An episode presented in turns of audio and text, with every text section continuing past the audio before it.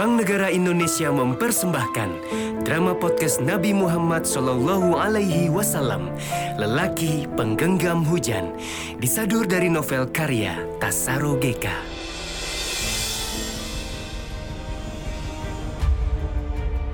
Episode ke-12 Pada kisah yang lalu diceritakan, setelah diberitahu bahwa orang yang bernama Gali berada di atas bukit, Kasva segera melanjutkan pendakiannya.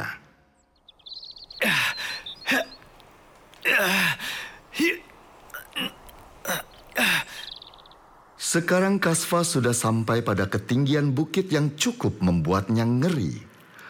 Rumah-rumah penduduk seperti kotak-kotak kecil mainan bocah. Aku sudah sampai di puncak bukit ini. Suitan itu seperti sebuah kode untuk berhati-hati dan waspada. Pasti orang yang mengeluarkan suara suitan itu melihat kehadiranku dan memberitahu pada kawannya untuk waspada. Hmm, seorang bocah ABG keluar dari rerembunan semak belukar sambil bersuit panjang. Rupanya suitan itu bukan ditunjukkan padaku, tetapi pada orang lain. Bocah ABG itu kepalanya gundul. Sepintas kulihat matanya sangat tajam, seperti mata serigala. Gerak-geriknya lincah, penuh tenaga. Hmm, dia mendatangi seorang lelaki yang berjalan dengan membawa tongkat kayu berujung baja. Apakah laki-laki tua yang membawa tongkat itu Gali? Dan bocah ABG yang gundul itu adalah Faksur. Kasva memperhatikan dua orang itu dari balik rerimbunan semak-semak belukar. Menurut guru Kore, orang yang bernama Gali itu tinggi besar, rambutnya berwarna oranye, dan selalu didampingi seorang bocah laki-laki berkepala gundul dengan karung tercangklong di punggungnya. Dia segera mendekati kedua orang itu. Tuan Gali, berhenti!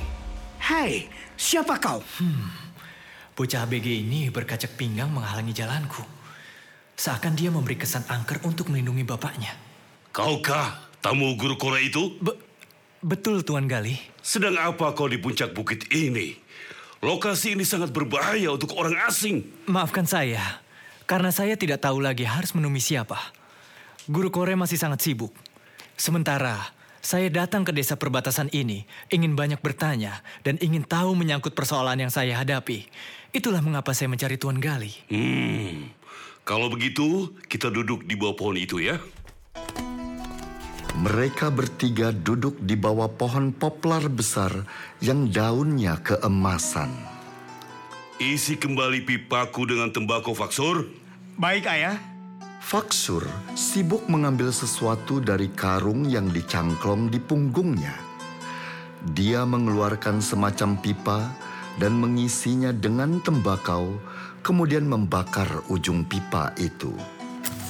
Laki-laki tua yang bernama Gali itu mengambil pipa tembakau dari tangan Faksur anaknya, kemudian menghisap pipa itu, lalu mengeluarkan segumpal asap yang dihembuskannya keluar dari mulutnya. Apa yang kau tunggu? Kau ingin membawa pergi kehormatanmu? Ah, tentu saja tidak Tuan Gali. Saya sangat kagum dengan Tuan. Bahasa Persia Tuan sangat lancar. Aku pernah tinggal di Persia cukup lama. Benarkah? Berapa lama? Ya, sampai Faksur lahir, barulah aku kembali ke perbatasan. Apakah Faksur anakmu ini mewarisi darah Persia? Kau cukup jeli juga rupanya. Ibu Faksur adalah seorang perempuan Persia Tulen. Tapi, mengapa Tuan meninggalkan Persia? Ya, penguasa Persia sangat ketat dengan masalah agama yang dianut rakyatnya. Hmm, ya, memang betul. Raja Persia sangat ketat pada ajaran agamanya. Pernikahanku dengan ibunya Faksur ini sangat mendapat perhatian luar biasa. Padahal kami ini siapa? Hanya karena istriku pengikut ajaran Nabi Zardus dan aku mengimani Weda. Kami terus diburu selama berbulan-bulan, sehingga aku putuskan untuk keluar dari negeri Persia. Tapi istri Tuan Gali apakah masih di Persia? Ya, dia ikut aku meninggalkan Persia. Kami sempat tinggal di desa perbatasan ini beberapa lama, sampai tentara-tentara Kosru datang. Apa? Tentara Kosru mendatangi desa perbatasan ini? Iya, mereka memaksa istriku untuk kembali ke Persia. Istriku tadinya mau saja, asalkan Faksur boleh ikut bersamanya. Tetapi tentara-tentara itu menolak Faksur ikut serta. Hampir saja terjadi pembantaian besar-besaran. Apa? Pembantaian? Ya, kau tahu prinsip orang-orang perbatasan?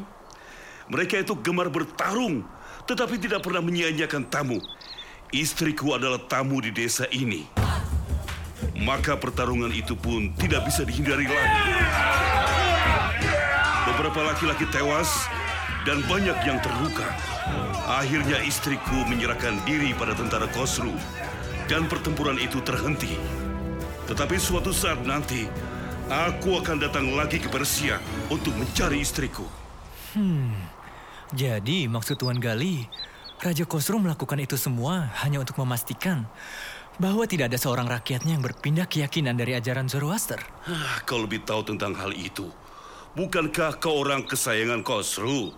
Ilmuwan perbintangan dan sastrawan kebanggaan Persia. Tuan Gali rupanya tahu tentang riwayatku. Guru Kore mengatakan padaku, lagi pula aku tahu sang pemindai surga sejak aku berada di Persia. Sebagian syair-syairmu sempat kubaca. Sayang orang-orang perbatasan tidak menyukai sesuatu yang berbau sastra. Itulah sebabnya orang-orang di sini tidak begitu mengenalmu. Hanya orang-orang tertentu saja. Apakah Tuan Gali juga tahu mengapa saya sekarang berada di sini? Faksur, isi kembali pipa ayah dengan tembakau ya. Baik, Ayah. Ah, tadi apa yang kau bilang itu? Tuan Gali tahu mengapa saya berada di sini. Ini, Ayah, pipa tembakaumu. Hmm, sebentar. Aku rasa kau harus segera meninggalkan tempat ini. Meninggalkan desa perbatasan ini? Iya, kau suruh pasti akan mengirim pasukannya berlipat ganda kemari. Dan itu akan menjadi kiamat di desa ini. Kau membuat permasalahan yang lebih besar dengan permasalahanku. Kau tahu sang pemindah surga? Kami orang-orang perbatasan memang kasar, tapi bukan orang-orang kejam. Saya tidak menyangka bahwa tentara Kosru akan memburu saya sampai ke perbatasan ini. Dia ingin menjadi raja dunia. Tetapi kurasa kekuasaannya akan runtuh tidak lama lagi. Ramalan Zardus itu Ramalan Zardus dan karma. Dia sudah terlalu banyak berbuat semena-mena. Tuan Gali tahu tentang ramalan Zardus itu rupanya. Sebenarnya yang tahu banyak adalah guru Kore. Kami sering berdiskusi. Mungkin guru Kore nanti akan menyarankanmu untuk pergi ke Tibet. Ke Tibet? Pergi ke Tibet? Tibet yang paling masuk akal. Di sana kehidupanmu terpisah dari dunia luar. Dan kau bisa mempelajari banyak hal dari para lama. Mereka memiliki ramalan yang mirip dengan yang dikatakan Zardus. Belajar dengan para lama di Tibet. Mencari tahu tentang ramalan kedatangan Nabi baru. Aku punya kenalan di Tibet. Dia seorang lama yang tinggal di biara kaki gunung Anyemaken. Tetapi dia belum pernah menyebut-nyebut perihal kedatangan Nabi baru itu. Hanya sewaktu aku bertemu dengan orang-orang Tibet, mereka menyebut tentang kedatangan Nabi baru itu. Ramalan itu begitu populer di Tibet. Tuan Gali tahu seperti apa bunyi dari ramalan itu. Ah, aku kurang paham. Aku mengimani Weda, sama sekali tidak mengerti dengan ajaran Buddha. Tetapi guru Kore kurasa mengetahuinya. Belum lama ini, saya dan Lama itu sering berkiriman surat. Kalau kau sampai ke sana, apa kau yakin bisa sampai ke sana tanpa tersesat? Ya, tentu. Karena Masya akan mengantar saya. Hmm, Masya. Hmm, dia akan menjadi pemandu yang baik. Tuan Gali mengenal Masya? Bertahun-tahun dia tinggal di perbatasan ini. Berpindah-pindah tempat, mengecoh para mata-mata Kosru yang memburunya. Selepas dia kabur dari penjara kerajaan di Persia. Pantas saja dia sangat menguasai bahasa perbatasan. Hmm, eh, eh, eh, apa, apa, apa yang Masa ceritakan tentang penduduk perbatasan? Eh, Em, Aku mengerti. Aku mengerti pasti Masya telah menakut-nakutimu, bukan? Dia menceritakan kisah-kisah yang menakutkan tentang sifat orang-orang perbatasan. Apalagi ceritanya? Eh, Masya mengatakan bahwa orang-orang perbatasan hanya tahu cara membunuh dan cara untuk mati. Kami memang tidak suka basa-basi dan suka berkelahi. Itu hanya semacam untuk berolahraga. hah? Jadi berkelahi itu bagi orang-orang perbatasan hanya sebagai olahraga. Ah, tapi aku yakin Masya sudah melebih-lebihkan ceritanya. Bukankah kau diperlakukan baik oleh guru kori dan penduduk desa? Iya, kau benar. Seperti yang kukatakan sebelumnya, bahwa kami memang orang-orang kasar. Masya pernah menceritakan bahwa para lelaki perbatasan akan bertarung dan bisa saling bunuh hanya karena berebut makanan dalam sebuah pesta pernikahan. Dan Masya menjadi salah satu dari petarung yang berebut makanan dalam pesta pernikahan itu. Dulu Masya selalu menentang duel siapa saja. Dan banyak orang-orang perbatasan yang kalah dalam adu duel dengan Masya itu. Dan hanya aku yang dapat menandingi Masya. Rupanya Masya pandai juga bercerita bohong. Tetapi kudengar bahwa orang-orang perbatasan begitu pendendam, tidak bisa menerima penghinaan sekecil apa pun. Lebih baik mencuri daripada meminta-minta. Apakah menurutmu meminta-minta itu atau mengemis adalah perbuatan mulia? Salah, itu perbuatan hina. Mencuri tidak masalah jika engkau mencuri dari orang-orang kaya yang pelit. Ah, tadi saya lihat ada kesibukan di lapangan desa. Aku bersama Faksur belum sempat turun ke desa. Jadi belum tahu akan kesibukan yang mereka persiapkan. Iya, aku melihat kerbau-kerbau dan kambing-kambing diikat dan dikumpulkan di lapangan.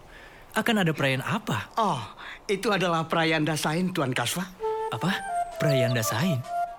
Kasva agak terkejut Faksur bocah ABG berkepala pelontos yang sebelumnya hanya diam saja, kini tiba-tiba memotong pembicaraan Kasva dan ayahnya.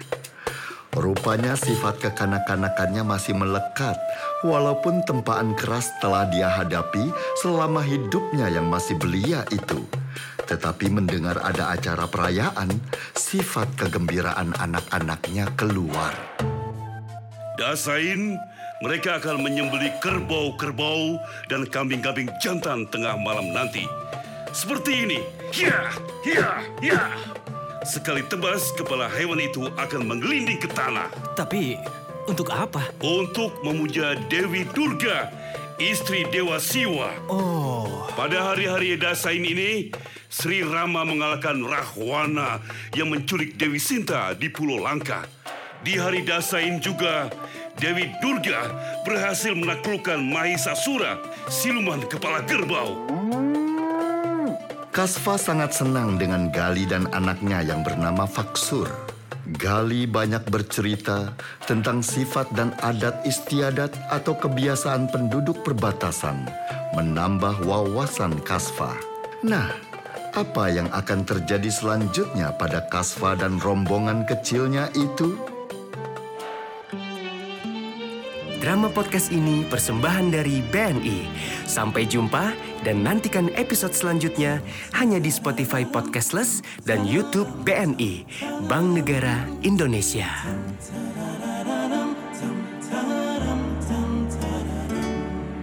Gelisahmu